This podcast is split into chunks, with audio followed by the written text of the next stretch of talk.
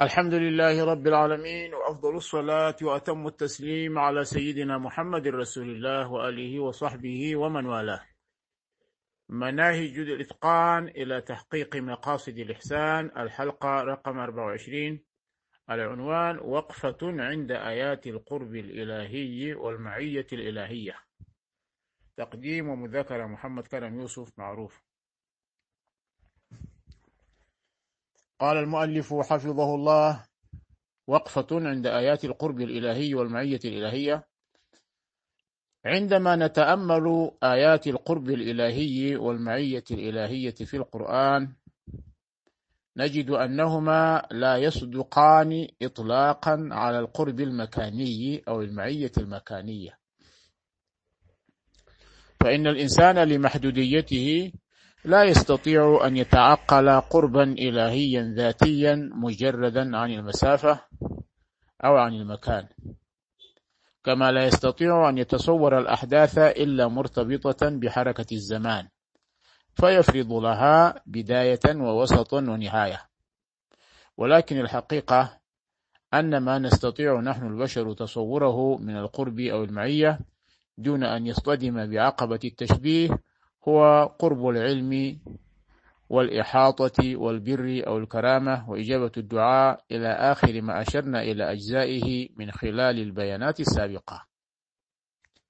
ولكن هذا لا يدل إلا على أننا حصرنا مفهوم القرب أو المعية في المحسوس المتعارف بيننا. ونحن إذا أعملنا بدقة هذا المعنى وأمثاله وجمعناه مع ما يفيده قوله تعالى ليس كمثله شيء وهو السميع البصير استطعنا أن نقترب من المعنى الدقيق التي الذي تشير إليه الآيات من ذلك القرب الرباني الذي لا يماثل قرب البشر بعضهم من بعض ولا هو قرب مسافة ولا مكان ولا ينبغي حصره في القرب العلمي فقط. فإذا أخذنا مثلا قول الحق تعالى ولقد خلقنا الإنسان ونعلم ما توسوس به نفسه. نجد فيها مقطعين. أولهما هو هذا الذي ذكرناه ونعلم ما توسوس به. وهو واضح الدلالة على المعية العلمية الشاملة المحيطة بما توسوس به نفس الإنسان. بل إنه يعلم الله يعلم ما يقع في النفس قبل وقوعه فيها. لأنه خالق كل شيء. ألا يعلم من خلق وهو اللطيف الخبير. ثم جاء المقطع الثاني والأخير في الآية وهو ونحن أقرب إليه من حبل الوريد. ودلالته على القرب الرباني الذي يجب الإيمان به دون تكييف أو تشبيه أوضح حتى من الوضوح نفسه. وأما قولنا إن الله يعلم ما يرد على نفس الإنسان قبل وروده عليها بالفعل فمحل إجماع من أهل السنة. قال تعالى وربك يخلق ما يشاء ويختار ما كان لهم الخيرة. سبحان الله وتعالى عما يشركون. وربك يعلم ما تكن صدورهم وما يعلمون. وقال أيضا ألا إنهم يثنون صدورهم ليستخفوا منه. ألا حين يستغشون ثيابهم يعلم ما يسرون وما يعلنون إنه عليم بذات الصدور.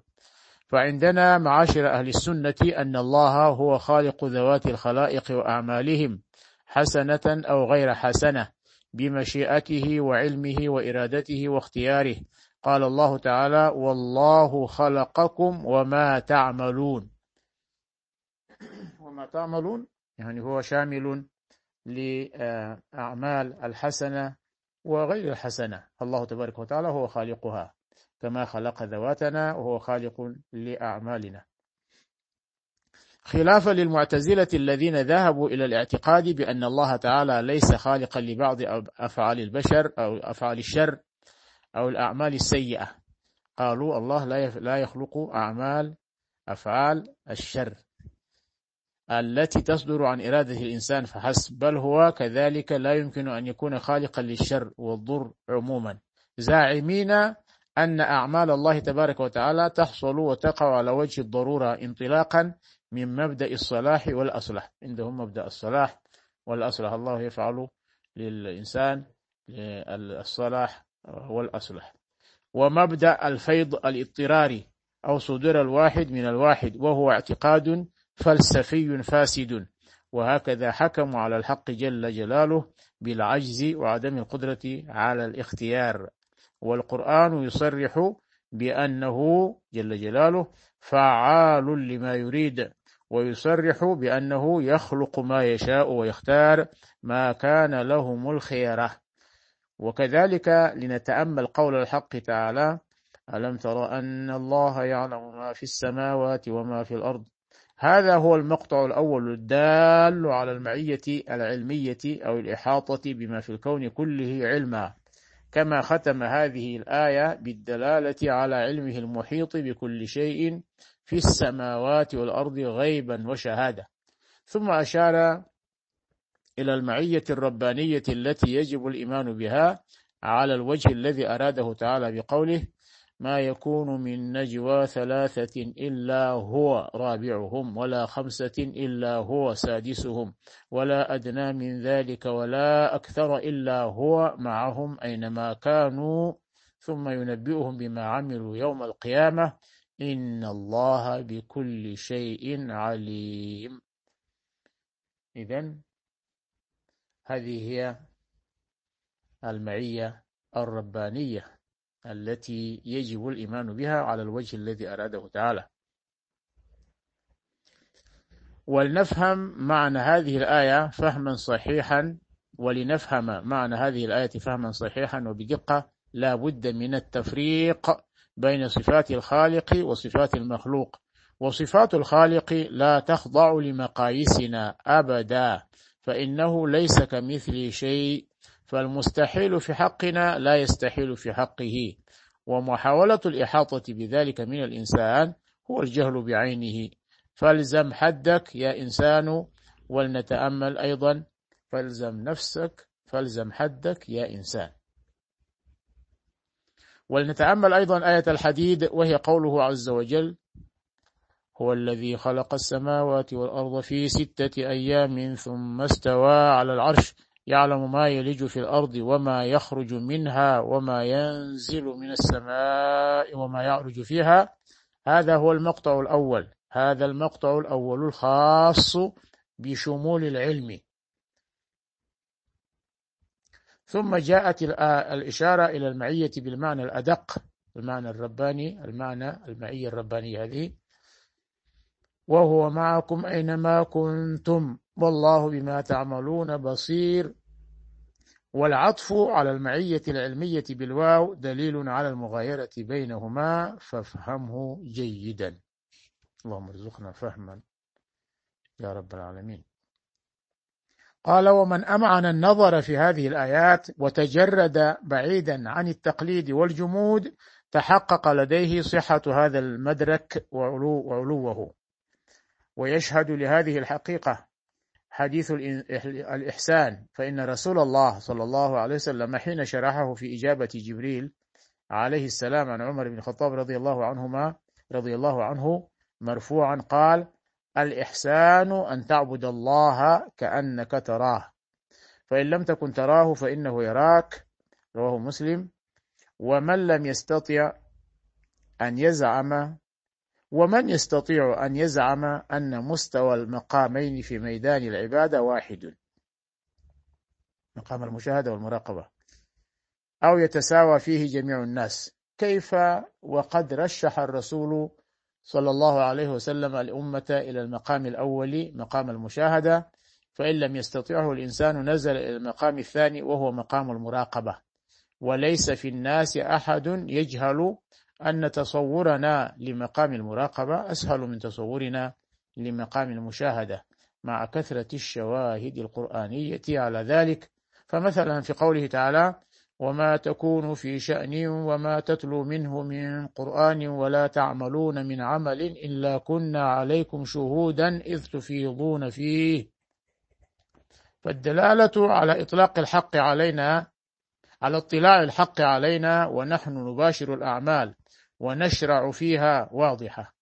الدلالة على الاطلاع الحق اطلاع الله عز وجل علينا ونحن نباشر الأعمال ونشرع فيها واضحة. وهكذا حكم المعية الخاصة في قول الله تعالى يستخفون من الناس ولا يستخفون من الله وهو معهم إذ يبيتون ما لا يرضى من القول وكان الله بما يعملون محيطا.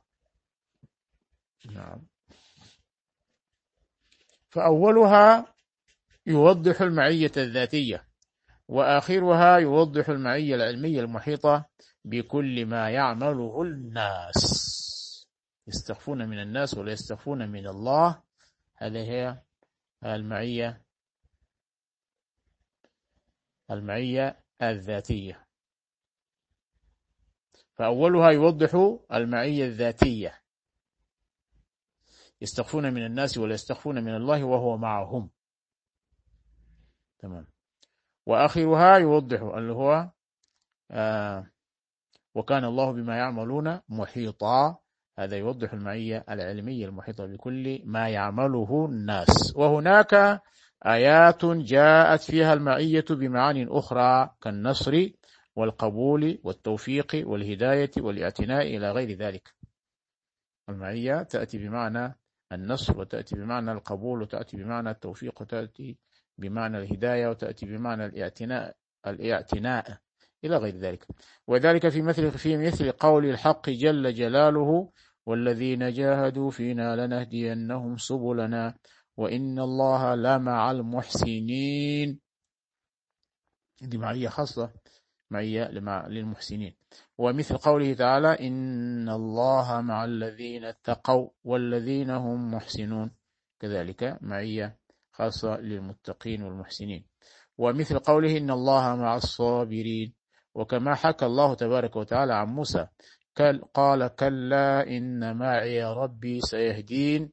ومثل قوله لموسى وهارون عليهم السلام, عليهم السلام قال ربنا إننا نخاف أن يفرط علينا أو أن يطغى. يعني فرعون.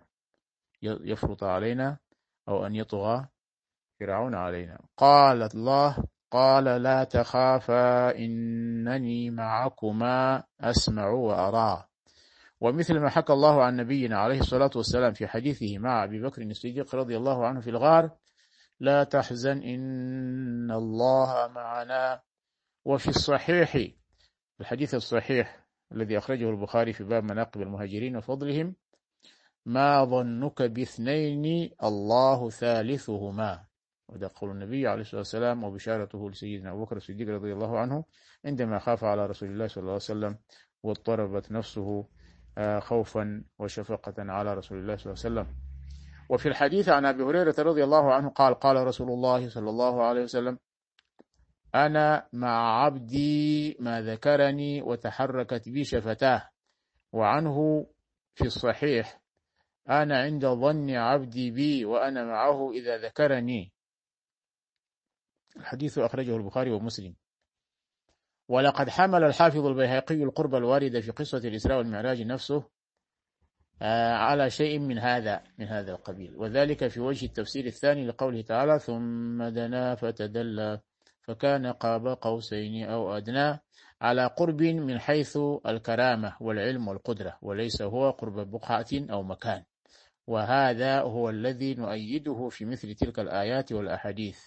ذلك لأن القاعدة فيما ينسب إلى الله تعالى مما يرد بصيغة العموم يجب أن يكون وصفا ذاتيا دون تشبيه أو تمثيل أو تعطيل وفيما يخص لتعلقه بحال شخص أو وصف كالتقوى والإحسان والذكر وما أشبه ذلك أن يحمل على مقتضى الحال من كرامة أو نصر أو قبول أو رفعة شأن أو هداية أو توفيق أو خطوة حظوة ونحو ذلك ونحو ذلك. ومهما يكن من أمر فإن المغزى الذي أشرنا إليه مهم لمن أراد أن يعطي كل إشارة في الكتاب حقها من التدبر والتأمل وفوق كل ذي علم عليم.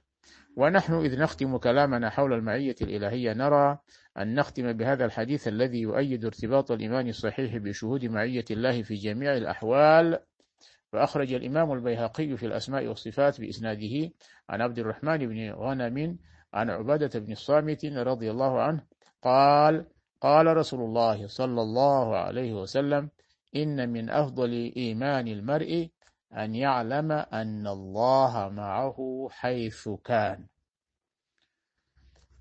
وصلى الله على سيدنا محمد وآله وصحبه ومن والاه نواصل إن شاء الله تعالى.